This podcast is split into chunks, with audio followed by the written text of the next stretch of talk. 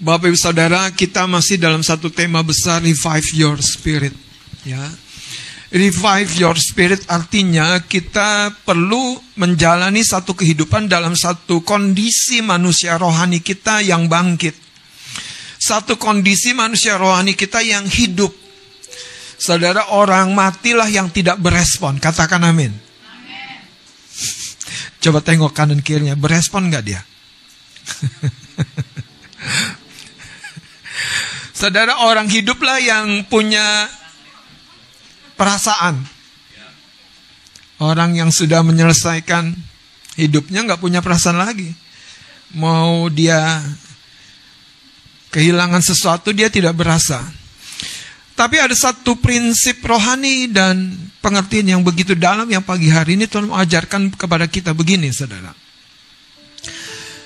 Seringkali tanpa kita sadari, kita telah kehilangan banyak hal, namun kita tidak menyadarinya sampai kita saudara betul-betul kehilangan lebih banyak lagi. Nah saya berdoa hari ini kita betul-betul dibukakan oleh Tuhan bahwa engkau dan saya perlu bangkit di dalam manusia batinmu, manusia rohmu untuk merebut kembali apa yang hilang. Revive your spirit and take it back anda harus punya spirit seorang warrior seperti Daud. Menarik sekali bahwa cerita kisah Daud di sebuah kota yang bernama Zikrak itu sepertinya menjadi sebuah plot kehidupan orang percaya. Tidak selalu sepertinya keadaan itu dapat diprediksi dengan sebaik-baiknya sehingga tidak ada yang miss. Dalam cerita Daud, kalau Anda baca, Daud telah berusaha begitu rupa memainkan perannya sebagai seorang pemimpin dalam cerita ketika Daud di sebuah kota yang bernama Ziklag. Namun ketika dia selesai berperang, meninggalkan kota tempat mereka tinggal, yaitu kota ini bernama kota Ziklag. Waktu dia kembali ternyata ada musuh yang lain yang telah datang ke kota tersebut menghancurkan begitu rupa, membakar habis. Dan ketika Daud beserta tentaranya kembali ke kota ini, di situlah terjadi sebuah tragedi yang mungkin menimbulkan banyak tanda tanya. Kalau Anda melayani, Anda memberi, Anda bekerja untuk Tuhan. Tapi, tapi sepertinya kehidupan Anda tidak mengalami berkat yang orang lain alami. Apa apa yang muncul di jiwa Anda? Apa yang muncul di hati Anda? Apakah yang muncul adalah kekecewaan, kemarahan, dan sebuah tanda tanya besar? Anda bertanya di mana Tuhan?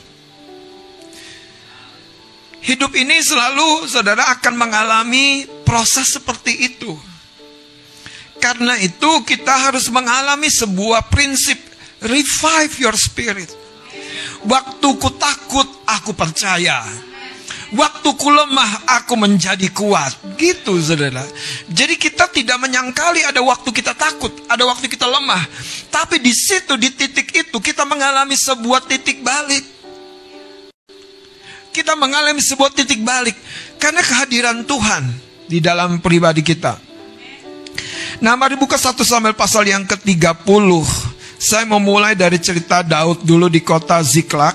Karena cerita ini selalu tidak habis-habisnya menyampaikan sebuah pesan yang penting.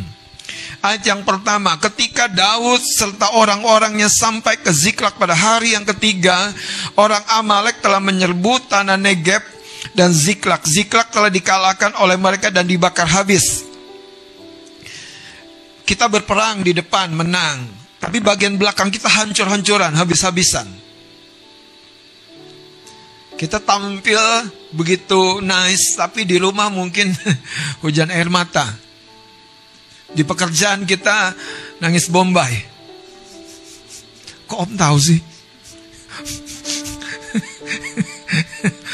ya di hubungan kita kayaknya, aduh hampanya ada lobang tadi ya kasih ya. Aduh lobang donat lagi. Gede lobang donat. Coba lihat cerita nih. Ziklak telah dikalahkan oleh musuh yang bernama Amalek dan dibakar habis. Ayat 2-nya yang menarik ada catatan di sini. Perempuan-perempuan dan semua orang yang ada di sana tua dan muda telah ditawan mereka dengan tidak membunuh seorang pun. Mereka menggiring sekaliannya kemudian meneruskan perjalanannya. Anda bisa bayangkan lah. Ini ini ini konsep dalam kisah di mana saudara suku melawan suku. Kerajaan menaklukkan kerajaan. Teritorial mendesak sebuah teritorial baru. Dan nanti Anda harus mengerti, di sini sebetulnya engkau dan saya berperang bukan melawan darah dan daging, tetapi melawan roh-roh jahat di udara. Melawan keinginan yang di dalam diri kita sendiri. Amalek sebetulnya menggambarkan keinginan yang di dalam diri kita yang berasal dari manusia daging kita. Nah, itu sebabnya revive your spirit. Kalau rohmu tidak bangkit, tidak hidup lagi, engkau jadi tawanan manusia dagingmu. Engkau menjadi tawanan manusia dagingmu. Engkau melihat segala satu rasanya tidak mendukungmu. Seperti Daud di kota Ziklag dihancurkan habis dan tentara yang sebelumnya berperang sama dia hendak melempari Daud dengan batu tidak ada yang membela dirinya. Tapi cerita ini cerita yang orisinil bahwa engkau dan saya tidak pernah ditinggalkan Tuhan. Tapi ada sebuah permainan yang Anda harus lakukan. Ambil masuk di dalamnya. Anda ada berkata, Anda tidak bisa bilang begini, terserah Tuhan, hancur-hancurlah menang-menang. Enggak bisa, saudara. Kita harus punya spirit seperti Daud.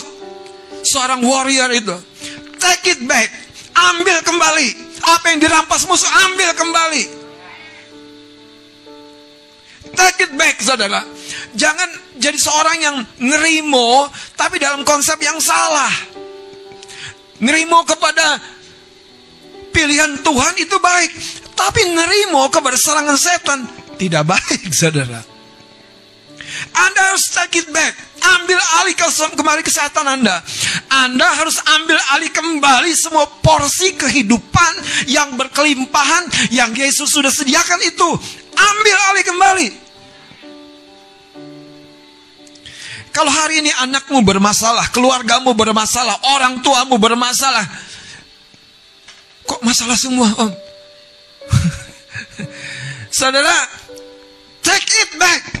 Ambil alih kembali. Sebelumnya lebih tepat itu rebut kembali. Tidak ada kata begini, musuh tuh menyerahkan, nih kasih. Yang aku curi nggak ada. nggak ada. Nih, Kak Ges, yang aku ambil dari hidupmu. Setan bilang gini, nggak ada. Setan tuh bukan teman Anda.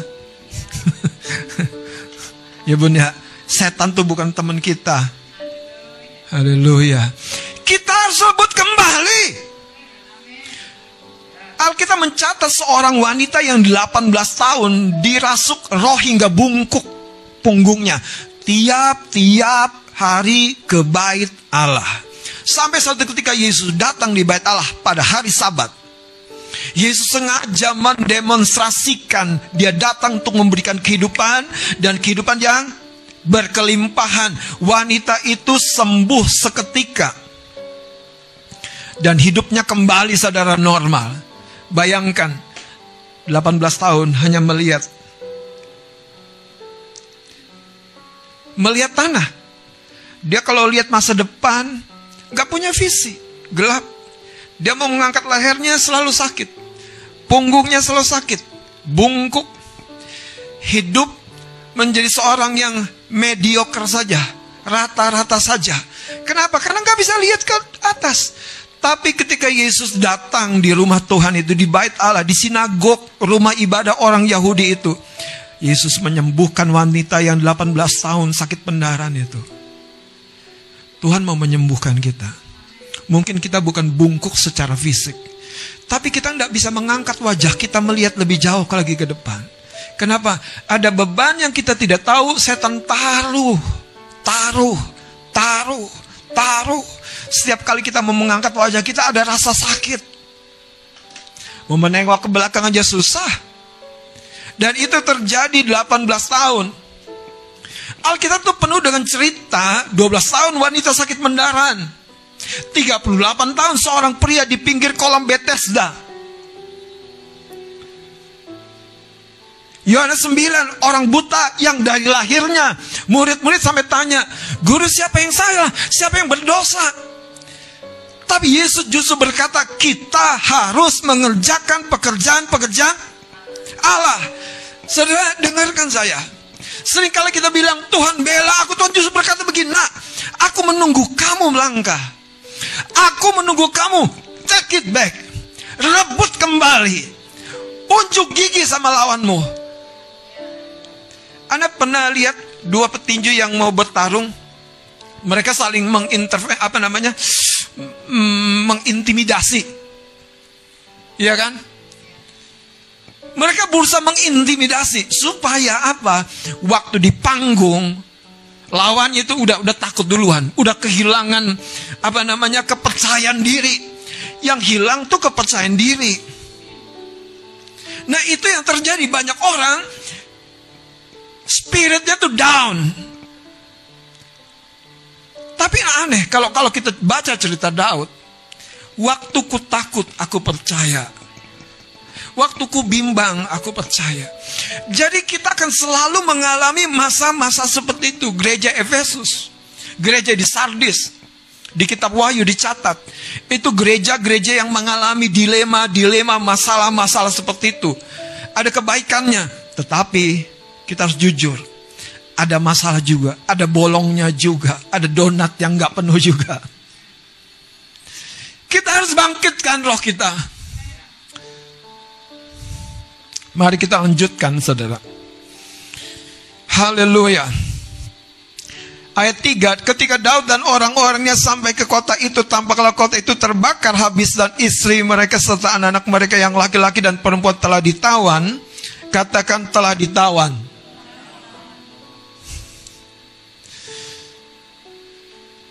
Siapa yang liburan pulang kampung? Siapa yang liburan ke dalam kota? atau ke luar negeri? Cerita-cerita liburan tidak pernah mengalami saya mengalami. Koper kami nyasar ke kota tetangga. Itu justru nyasarnya bukan waktu kami mau berangkat.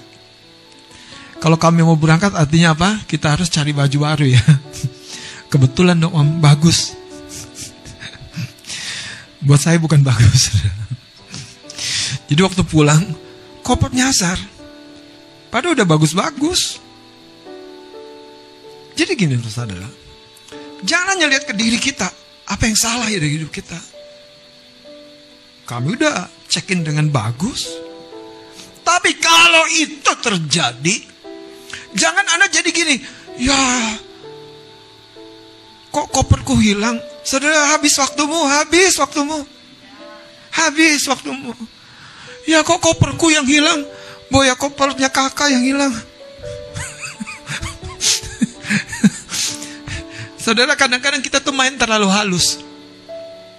Saya sih bukan kita, saya. Saya suka menyerah. Yang terjadi terjadilah.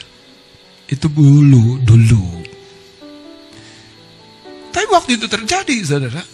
Saya seneng sih sama respon kakak, sama respon beberapa orang. Kita cari di mana orang yang bertanggung jawab untuk perkara ini.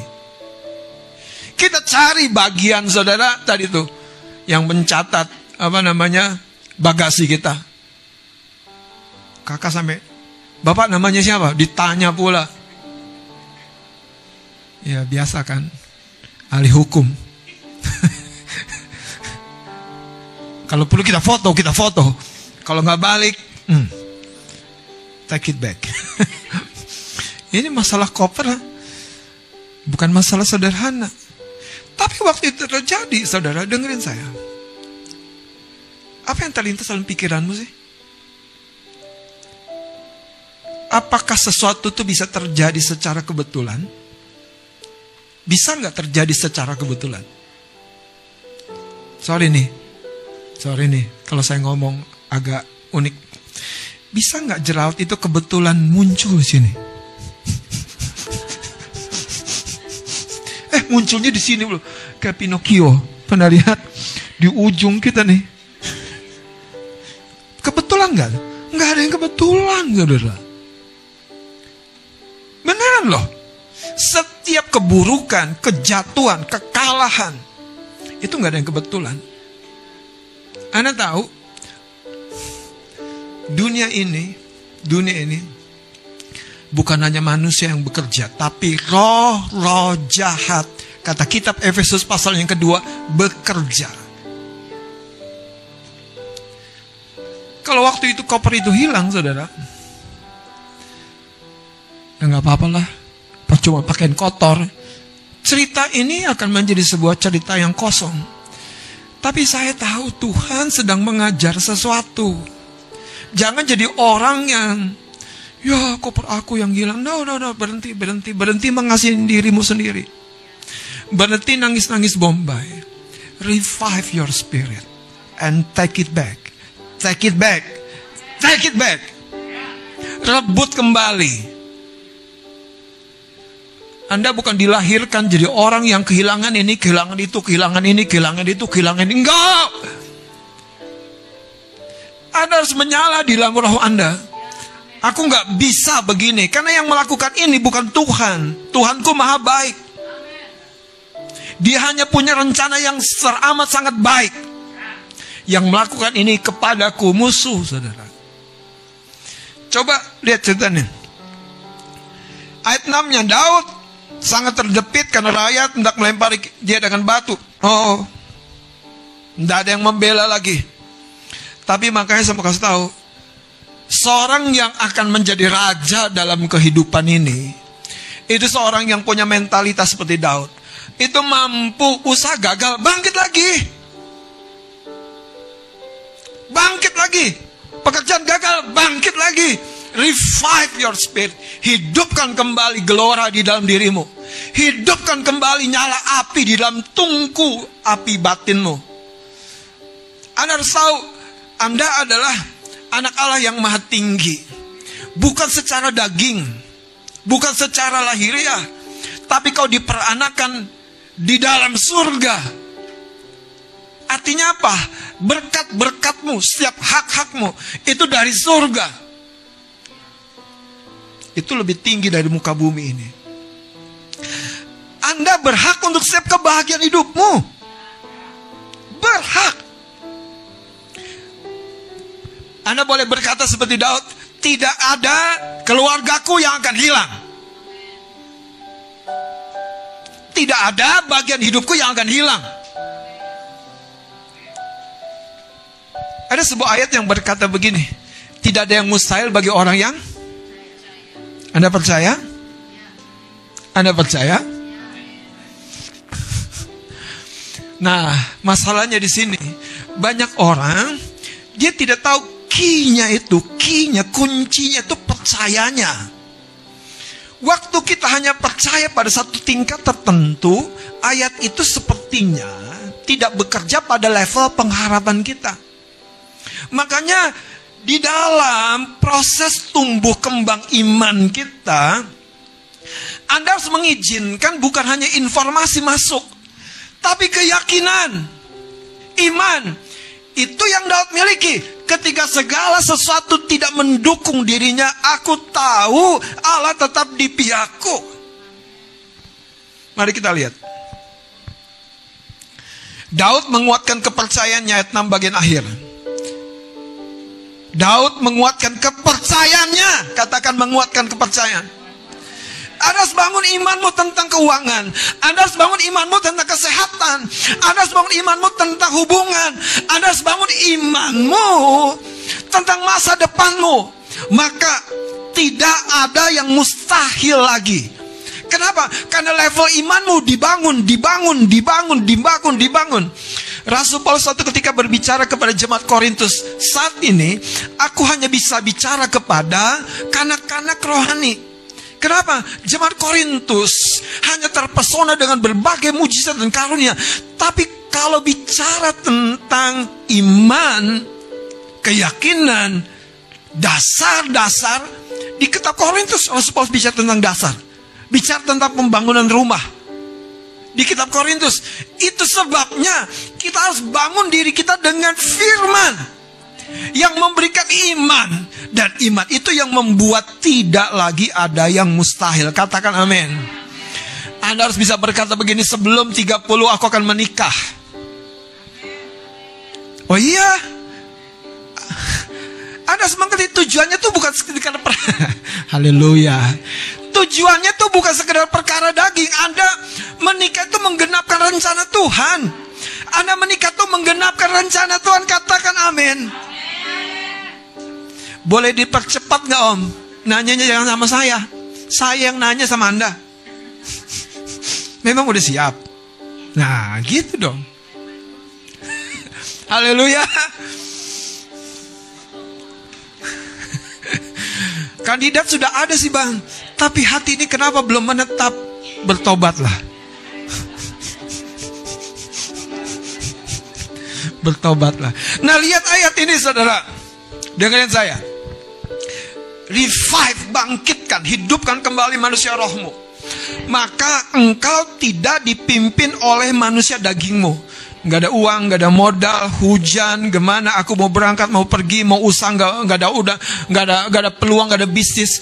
Saudara berhenti berkata kata yang realitasnya sebetulnya tidak bisa dilihat dari mata lahiriah, dilihat dari rencana Tuhan. Aku akan mengadakan pertolongan yang tidak belum engkau temukan kau lihat. Dari jalan di depan laut, Tuhan gak bilang hal yang lain. Musa, apa di tanganmu? Tongkat Tuhan. Eh, kamu ngerti gak sih dikasih tongkat atau apa? Musa gak ngerti. Angkat tongkatmu, belah lautnya. Makanya Tuhan tuh sering kali menunggu kita. Tuhan tuh menunggu kita. Tuhan menunggu kita. Tuhan menunggu kita ambil sebuah tindakan dalam terang firman. Percayai saudara, kalau rohmu bangkit, engkau akan selaras dengan dinamika Tuhan. Engkau akan tahu kapan menanti, kapan bergerak, kapan mendesak. Yang kau desak itu bukan Tuhan loh saudara.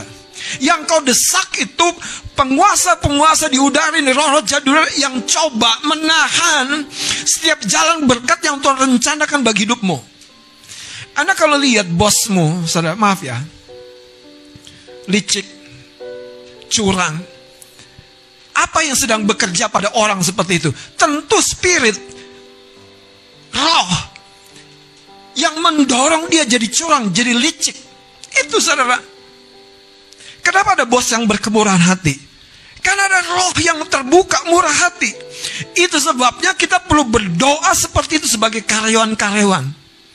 Supaya ada kemurahan Tuhan menaungi hati rekan kerja, pemimpin kita. Bukan sebaliknya, roh tamak, roh licik. Makanya jangan cuma komplain dan ngomel doang.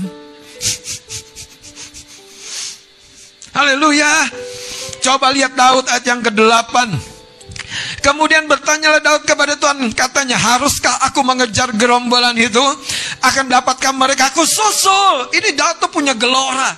Waktu dia menyembah, dia berdoa, dia menyembah, dia berdoa, dia menyembah, berdoa. Sampai pada satu titik. Mampukah aku? Bisakah aku? Dia ngobrol sama Tuhan, ngobrol sama Tuhan, ngobrol sama Tuhan dan ngobrol. Tuhan tuh santai kok saudara. Coba lihat. Iya, iya berfirman kepadanya, kejarlah. Haleluya. Kejarlah. Ada ngerti gak kalau gaya bicara gaya bicara begitu? Kejarlah. Jadi apa? Tuhan tuh seperti nunggu. Eh, kejarlah. Kayak dia ngomong sama Musa, angkat pedangmu, belahlah lautnya. Iya, pedang ya, pedang tongkat. angkat tongkatmu, belah lautnya. Nah, lihat, ia ia berfirman kepadanya, kejarlah, sebab sesungguhnya engkau akan dapat menyusul mereka dan melepaskan para tawanan. Haleluya. Cerita ini berakhir happy ending kan? Tapi dengerin saya, Anda harus ambil peran Anda di perjuangan itu. Makanya tema firman yang disampaikan itu tidak pernah tidak berkaitan. Anda mengambil sebuah pilihan dengan sikap mentalitas, dengan fokus mentalitasmu santai, nyantai di zona aman, zona nyaman, atau Anda jadi seorang pejuang. Anda jadi seorang yang ya ditekan, ya rugi, ya gagal, ya kehilangan, tapi Anda bisa membangkitkan kembali nggak rohmu, batinmu bergelora. Atau Anda biarkan begini, kehilangan Anda itu mempengaruhi semua sistem kerja pemikiranmu. Kata tidak mungkin tuh jadi begitu nyata. Nangkep ya? Tapi bayangkan kalau kata mungkin, mungkin bisa itu menjadi nyata. Bagaimana caranya? Terjadi seperti dua orang murid yang menuju Emmaus ketemu Yesus di jalan. Yesus cerita tentang dirinya. Benar, dia bangkit. Hmm, masuk di sini. Nyata dia sendiri yang bicara dengan aku, dengan kita di perjalanan. Mereka kembali ke Yerusalem.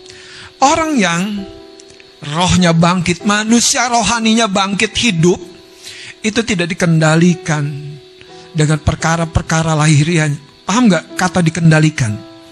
Perkara lahiriah itu jadi seperti setir. Engkau akan selalu mentok dengan perkataan tidak bisa, tidak mungkin. Tapi di dalam batinmu engkau tahu seperti Yonatan, kalau Tuhan berkenan, Tuhan membela seperti Yosua dari Kaleb. Kalau Tuhan di pihak kita, mereka semua musuh-musuh itu kita akan telan habis. Hmm. Haleluya.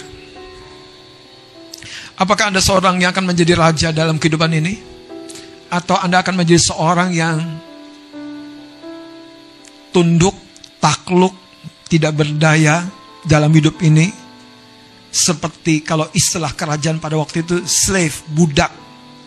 Hidupmu dibeli oleh pekerjaan. Bayangin, bukan Anda menaklukkan pekerjaan. Anda selalu bilang sama Tuhan, nggak ada waktu Tuhan, nggak ada waktu Tuhan, nggak ada waktu Tuhan. Pada waktu doa minta kerjaan, Tuhan yang kasih kerjaan. Masalahnya apa? Manusia dagingmu tuh kuat. Sehingga manusia rohmu dilemahkan, dilemahkan, dilemahkan. Mari kita lihat beberapa ayat saudara. Matius 26 ayat 41 mari kita akan lihat dengan cepat saya mau percepat tempo kita. Lihat ayat 41 berjaga-jagalah dan berdoalah supaya kamu jangan jatuh ke dalam pencobaan. Baca sama-sama ayat 41 bagian akhir. Roh memang penurut tetapi apa itu berjaga-jaga dan berdoalah? Ambil waktu untuk bersekutu dengan Tuhan. Itu yang Daud lakukan di Ziklag. Itu yang Daud lakukan di tengah-tengah krisis yang sangat besar dalam hidupnya. Di mana dia tidak tahu loh. Keluarganya, istrinya, anak-anaknya masih hidup. Dia tidak tahu loh. Dia tidak tahu skenario di balik semuanya. Tapi dia punya pengharapan yang melampaui realitas lahiriah. Kalau kita punya roh yang bersekutu dengan Tuhan seperti Yesus, kayu salib saja, aku siap Bapak. Getsemani itu mengubahkan Yesus sepenuhnya. Ada amin. Roh memang penurut. Kalau kita digerakkan oleh roh manusia rohani ini, Anda akan bisa melawan dan memenangkan setiap pertarungan dan pertandingan Anda. Tapi kalau daging ini yang main, ya Anda akan, aduh nggak mungkin waktunya bisa lagi. Tapi buat Tuhan dalam kehidupan Abraham, Abraham, istrimu akan melahirkan. Benar Tuhan, iya waktuku bukan waktumu. Percaya saja. Kalau hitung-hitungan tahun, mana mungkin 99 tahun seorang wanita rahimnya bisa bisa memproduksi. Mana mungkin. Tetapi buat Tuhan tadi, apa yang tidak mungkin selalu mungkin. Katakan aku akan menguatkan manusia rohku. Aku akan hidup dengan kebangkitan manusia rohku. Aku akan berupaya hidup dalam kebangkitan manusia rohku. Daud itu berupaya, saudara. Anda tahu dia pulang perang, nggak sempat mandi, nggak sempat ngapa-ngapain. Yang dia minta kepada imam, ambilkan baju efod. Itu sebuah rangkaian peristiwa. Saya mau ajak kita lihat satu cerita yang lain, saudara. Kita lihat kisah Rasul pasal yang ke-16. Hmm, haleluya. Kalau Anda jadi seorang raja, seperti seharusnya. Anda punya mentalitas seperti Daud. Seorang yang ketika dipukul jatuh bangun lagi. Takut berani lagi. Bimbang tetapkan hati lagi. Saudara tidak perlu ada di di satu sisi negatifmu tuh yang lama. Enggak, bangkit lagi lihat. Kisah Rasul pasal yang 16, Saudara. Ayat 23 ini cerita tentang hamba-hamba Tuhan yang dipukul, didera, disesat begitu rupa. Ayat 23, kisah Rasul 16, setelah mereka berkali-kali didera, mereka dilemparkan ke dalam penjara, kepala penjara diperintahkan untuk berjaga, menjaga mereka dengan sungguh-sungguh. Jadi rasul-rasul melayani, tapi ditangkap, dipukuli, dipukuli, dipukuli. Ayat 24, sesuai dengan perintah itu, kepala penjara memasukkan mereka ke ruang penjara yang paling tengah, dan apa? Dan apa? Kalau Anda kakimu merdeka menarilah buat Tuhan. Melompatlah buat Tuhan. Haleluya. Amin. Haleluya. Kenapa? Karena di situ pasti ada mujizat. Setiap kita bersekutu dengan Tuhan, Anda harus mengerti Tuhan mengambil peran di mana Anda tidak bisa berperan. Mari kita lihat, saudara cerita ini menarik. Ayat 25. Ketika mereka dipukul, didera, disesat berkali-kali. Tetapi seperti Daud, Paulus dan Silas belajar bersekutu dengan Tuhan. Ayo ibu-ibu, seberapa penatnya pun engkau dengan pekerjaan rumah tangga, ambil waktu bersekutu dengan Tuhan. Menyembahlah dalam roh, biarlah rohmu dibangkitkan. Maka engkau tahu perkara-perkara dari surga turun ke dalam rumah tanggamu. Lihat cerita ini. Ayat 25, tetapi kira-kira tengah malam Paulus dan Silas berdoa dan menyanyikan puji-pujian. Halo. Ngapain dia berdoa dan Berdoa dan bisik-bisik. Banyak orang tuh kalau nyanyi di dalam hati aja bang, habis nggak enak. Saudara coba Paulus dan Silas baca ayat ini. Haleluya. Jadi kalau anda nyanyi nggak ada suaranya itu tidak alkitabiah.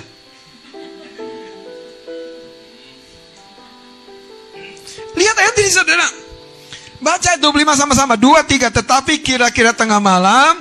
Paulus dan Silas berdoa dan Terus? Dan? Wah, dua orang hamba Tuhan yang babak belur ini konser. Di tengah-tengah di mana dia dipasung babak belur dia memuji menyembah memuji menyembah berdoa berdoa. Ayat yang ke 26 akan tetapi akan tetapi Anda paham gak sih kata akan tetapi? Kontras gitu yang tidak terbayangkan. Akan tetapi, jadi kayak gini, mereka cuma muji menyembah, nggak tahu berharap apa, tiba-tiba Tuhan intervensi. Akan tetapi, Anda lagi jualan apa? Eh yang ditanya apa? Akan tetapi, Tuhan tuh suka mengintervensi kehidupan orang-orang yang bersekutu dengan dia. Karena dia tidak terbatasi dengan ruang, dengan gerak, dengan waktumu. Haleluya. Ini sebabnya saya percaya Tuhan bisa mendatangkan hal yang baik. Bukan hanya dari dekat, dari jauh, bahkan dari yang sangat-sangat jauh. Wong benar. Waktu Israel mau makan daging, Tuhan mengirim burung dari seberang lautan, saudara, melalui angin. Karena Tuhan tetap dia maha kuasa. Lihat cerita ini saudara. Akan tetapi terjadilah gempa bumi yang hebat. Bukan gempa bumi yang biasa. Sehingga sendi-sendi penjara itu atau engsel-engsel pintu penjara itu goyah. Dan seketika itu juga terbukalah semua pintu. Hmm. Haleluya. Semua pintu terbuka. Dan terlepaslah belenggu mereka. Belenggu mereka terlepas. Tuhan mengintervensi orang yang bangkit rohnya. Karena itu saudara gini, mulai Anda ngerti kalau kalau ngidupin mesin mobil, mesin motor, Anda ambil sebuah tindakan sederhana, pijit tombolnya, tapi periksa bensinnya kan, jenggreng. Jadi kalau kalau jenggrengnya itu males, nggak mungkin terjadi kebangkitan. Kalau Anda seorang pemusik, ambil gitarmu, mulai dengan kunci pertama. Jenggreng. Dan ketika itu berbunyi, saya mau kasih tahu saudara. Anda tuh sebetulnya sudah ada di dua dimensi. Di bumi dan di surga. Karena seorang yang memuji menyembah Tuhan oleh darah Yesus, dia langsung berada di hadapan tahta Tuhan. Hmm, dahsyatnya itu saudara pujian penyembahan. Oleh darah Yesus kita dibenarkan sempurna, dibenarkan sempurna. Anda tidak ada cacat lagi, tidak ada kekurangan lagi. Anda dibenarkan. Itu artinya gini, Anda tuh cocok sepenuhnya dengan hati Tuhan, cocok sepenuhnya dengan hati Bapamu. Cuman yang kedua tergantung bagaimana engkau berdoa. Banyak orang tahu aku dibenarkan oleh dan tapi untuk berdoa nggak punya keberanian, nggak punya kegigihan. Take it back, saudara. Anda harus revive your spirit dan take it back. Ambil kembali, rebut kembali. Makanya saudara kalau cerita ini kita baca terus. Ayat 33 saya baca dengan cepat. Pada jam itu juga kepala penjara itu membawa mereka dan membasuh bilur mereka. Kepala penjara yang mau bunuh diri saudara menghujam tubuh dirinya dengan pedang. Diselamatkan oleh Rasul Paulus. Lihat. Ayat 33. Kontras sekali ya. Dari seorang yang kalah dari dari dari seorang yang babak belur berdarah-darah. Haleluya. Jadi seorang pemenang jiwa. Itu itu cuman pada jam yang yang sama itu pada jam yang sama. Makanya Melo jangan kelamaan. Ya kok nggak berhasil? Jangan kelamaan. Bangkit Coba lihat saudara ayat 33 pada jam itu juga kepala penjara itu membawa mereka dan membasuh bilur mereka. Lihat-lihat catatan ayat ini. Seketika itu juga ia dan ia dan memberi diri. Wow. Ternyata saudara gebukan bilur-bilur yang berdarah itu menghasilkan keselamatan sebuah keluarga. Kepala penjara beri kemuliaan bagi nama Tuhan. Haleluya. Siapa yang tahu skenario Tuhan di balik penderitaanmu? Jangan menyerah, nelongso dengan penderitaanmu. Tepuk bahu kanan kirimu, kita bangkit ya. Kita take it back lagi ya. Take it back. Oke, okay, saya mau tambah, tambahkan satu ayat lagi supaya Anda harus mengerti. 1 Korintus 9. Haleluya. 1 Korintus 9. Masih hidup? Nah, ada jawabannya dong kalau masih hidup. Haleluya. Ayat 26 27 sebab itu aku tidak berlari tanpa tujuan. Ayat 26 tanpa tujuan dan aku bukan petinju sembarangan yang sembarangan saja memukul tetapi apa? Tetapi apa? Terus Saudara harus menjadi raja. Manusia batin harus menjadi raja. Harus menjadi pemerintah. Harus menjadi governor. Buat tubuhmu. Manusia rohmu itu. Mau capek. Mau down. Mau gagal, mau jatuh. Mau yang terjadi, terjadilah. Seperti Daud. Bangkit, saudara. Bangkit. Rasul Paulus memberikan resepnya. Dikatakan, lihat Kehidupan ini layak diperjuangkan.